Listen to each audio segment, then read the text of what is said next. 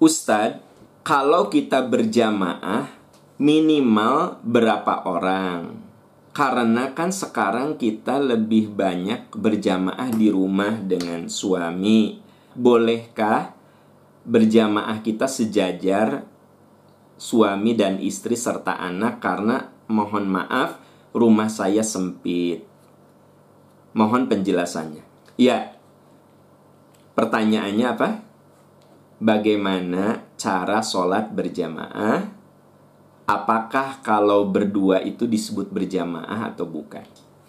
Untuk menjawab pertanyaan ini, mari kita lihat ada hadis yang diriwayatkan oleh Imam Al-Baihaqi. Di situ dikatakan isnani fama fauqahuma jamaah.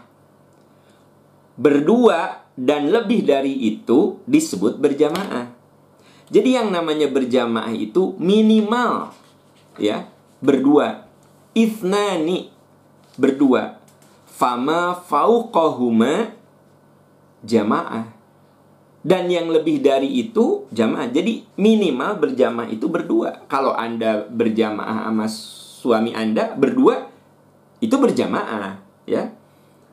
Oleh sebab itu dikatakan sholat berjamaah minimal kalau ada imam, ada makmum. Minimal ada imam, ada makmum. Nah, ketika kita sholat berjamaah, maka imam harus memperhatikan makmum. Ya. Ini saya lagi cerita berjamaah secara umum. Imam itu harus memperhatikan makmum. Idza shalla ahadukum linnas apabila seseorang jadi imam untuk orang lain falyukhaffif maka ringankan makmum. Kalau saya jadi imam, lihat makmum. Apakah di antara mereka ada yang sepuh, ada yang sakit, ya? Fal yukhaffif fa inna fihi muddha'ifu was-saqim wal kabir. Karena makmum itu ada yang sakit, ada yang punya keperluan. Fa idza shalla li nafsihi falyutawwil ma syaa tapi kalau dia sholat sendirian, silahkan baca sepanjang mungkin. Nah ini prinsip yang pertama dalam berjamaah. Pertama, kalau kita jadi imam, perhatikan makmum. Jangan pakai tolok ukur kita. Jadi mentang-mentang kita ini hafiz ya. Hafal Quran. Sampai di sholat maghrib itu panjang sekali. Padahal kan boleh jadi di antara mereka ada yang kurang sehat, ada juga yang punya keperluan. Fa inna sesungguhnya di antara fa inna fihi wal kabir wa hajah. Sesungguhnya di antara makmum itu ada yang lemah, ada yang sakit, ada yang kabir yang sudah uzur wa hajah dan ada yang punya keperluan. Idza amma ahadukum falyukhaffif. Maka kalau kamu jadi imam, hendaklah kamu meringankan makmum. Itu ada dalam hadis Sahih Bukhari. Jadi jelas di sini bahwa yang namanya e, imam itu harus meringankan makmum. Lalu siapa yang jadi imam? Ya, ini dijelaskan juga di dalam hadis Muslim. Siapa yang jadi imam? Ya ummul qauma aqra'uhum bil kit aqra'uhum li kitabillah. Yang jadi imam itu adalah yang paling bagus bacaannya. Fa inkanu lil qiraati sawa, kalau ternyata kemampuan mereka itu sama, fa'alamuhum bis sunnah. Maka yang paling menguasai sunnah Rasul.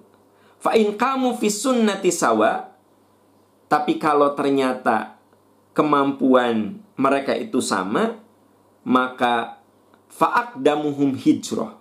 Siapa di antara mereka yang paling duluan berhijrah? Kalau ternyata sama, fa'aqdamuhum sinan. Maka suruh yang paling berumur. Jadi ternyata urutan siapa yang jadi imam itu bukan yang tua. tetapi yang akro'uhum li kitabillah yang paling menguasai kitab Allah. Kalau ternyata makmum itu banyak yang sama kemampuannya, maka fa'alamuhum lis sunnah. Yang paling faham sunnah Rasul. Kalau ternyata sama juga, siapa di antara mereka yang paling duluan hijrah? Ya, sama juga siapa di antara mereka yang paling tua usianya. Nah, kalau kita sholat berjamaah di rumah, tidak selamanya si ayah harus jadi imam. Menurut hadis ini, boleh jadi anak kita yang jadi imam kalau ternyata kalau ternyata anak kita akrouhum li kitabillah. Bacaannya lebih bagus. Sekarang ini kan banyak anak yang bacaannya lebih bagus daripada bapaknya.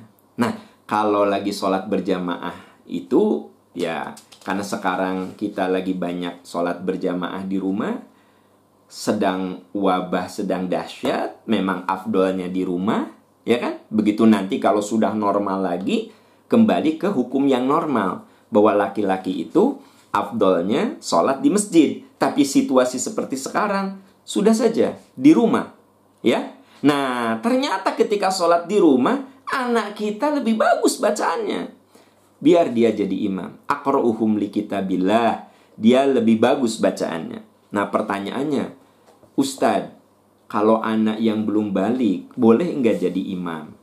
Anak saya bagus bacaannya, tapi belum balik. Nah, boleh tidak? Tentu saja boleh. Ini merujuk ke hadis Sahih Imam Bukhari. Jadi ibu bapak anda yang punya anak laki-laki, bacaannya lebih bagus dari bapaknya, lebih bagus dari diri kita, biarkan dia jadi imam, ya. Qala salamatu radhiyallahu an, ya. Jitukum min indan min indin Nabi sallallahu alaihi wasallam haqqan.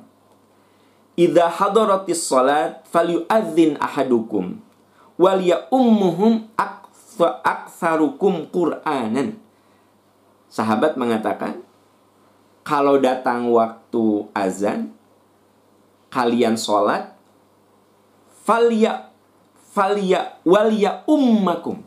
Hendaklah yang menjadi imam itu adalah aktsarukum Qur'anan. Yang paling banyak hafalannya. Yang paling sempurna bacaannya. Qala fanadoru falam yakun ahadun aktsara minni Qur'anan faqaddamuni wa nabnu sitta au sab'i sinin. Nah, gitu.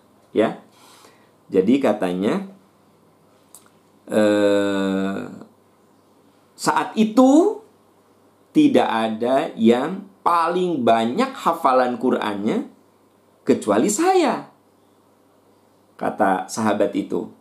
Lalu mereka menyuruh saya jadi imam, menjadikan saya jadi imam wa anabnu sittin au sab'i sinin. Saat itu umurku 6 atau 7 tahun. Nah, Bapak Ibu, sahabat-sahabat tercinta, jadi kalau anak Bapak umurnya baru 6 tahun atau 7 tahun, tapi kategorinya adalah aktsaro minni Qur'anan. Kata sahabat itu, tidak ada yang paling banyak hafalannya saat itu kecuali saya maka faqaddamuni mereka menyuruh saya jadi imam wa anabnu sittin au isinin saat itu umur saya 6 atau 7 tahun.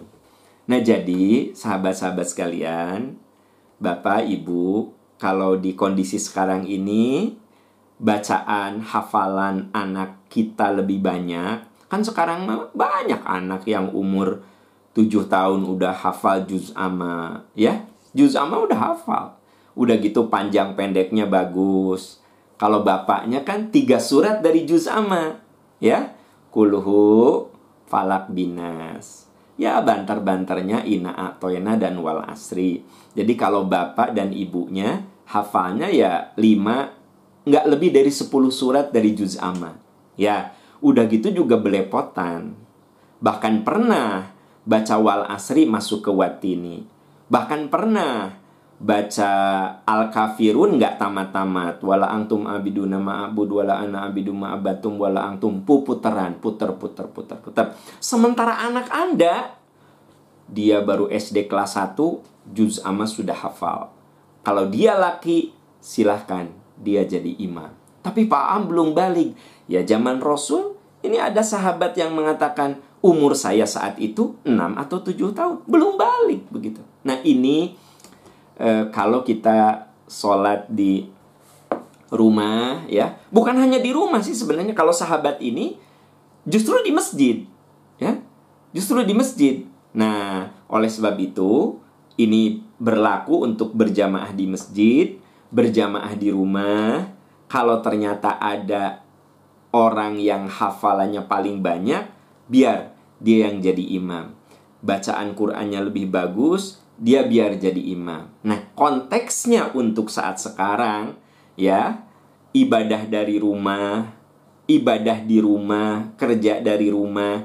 Nah, karena kita ada kondisi seperti sekarang ini, maka anak kita yang belum balik boleh jadi imam selama bacaan Qur'annya bagus, ya. Wallahu a'lam bissawab. Ya, kita beralih ke pertanyaan berikutnya ya. Ustadz, apakah saf laki-laki dan saf perempuan boleh sejajar? Di masjid saya, saf perempuan bukan di belakang, tapi ada hijab di mana posisi laki-laki dan perempuan itu sejajar. Apakah berjamaahnya sah? Oke, begini, memang yang betul, yang afdol berjamaah itu perempuan di belakang laki-laki. Itu yang afdol. Tetapi karena situasi tertentu, tentu saja berjamaah sah ketika dihijab kiri dan kanan. Ya, seperti halnya di Masjid Nabawi itu kan kita bersaf sebelah kanan kita tuh perempuan atau sebelah kiri kita itu perempuan. Disekat dibatasi antara laki dan perempuan. Nah itu kan kondisi darurat ya. Jadi afdolnya para pengurus masjid kalau bikin saf itu dan kalau e, memungkinkan ya saf laki-laki di depan sab perempuan di belakang. Itu yang afdol. Ya di dalam hukum Islam itu selalu ada pengecualian. Kalau situasi tidak memungkinkan, karena ada masjid yang memang tidak memungkinkan pintunya itu dari samping begitu. Ya, samping kiri, samping kanan. Nah, kalau dibikin saf depan belakang, nah ini ibu-ibu nanti jadi harus melewati bapak-bapak akhirnya dibuat saf laki dan perempuan itu kiri kanan. Nah, berarti kan ini ad-daruroh. Selalu rumusnya adalah ad-daruratu tubihul mahduro. Ya karena kedaruratan boleh-boleh saja, ya kan? Gitu. Tapi kalau tidak darurat, yang afdol adalah laki-laki di depan, makmum di belakang. Itu yang paling afdol, ya. Wallahu a'lam bisawab.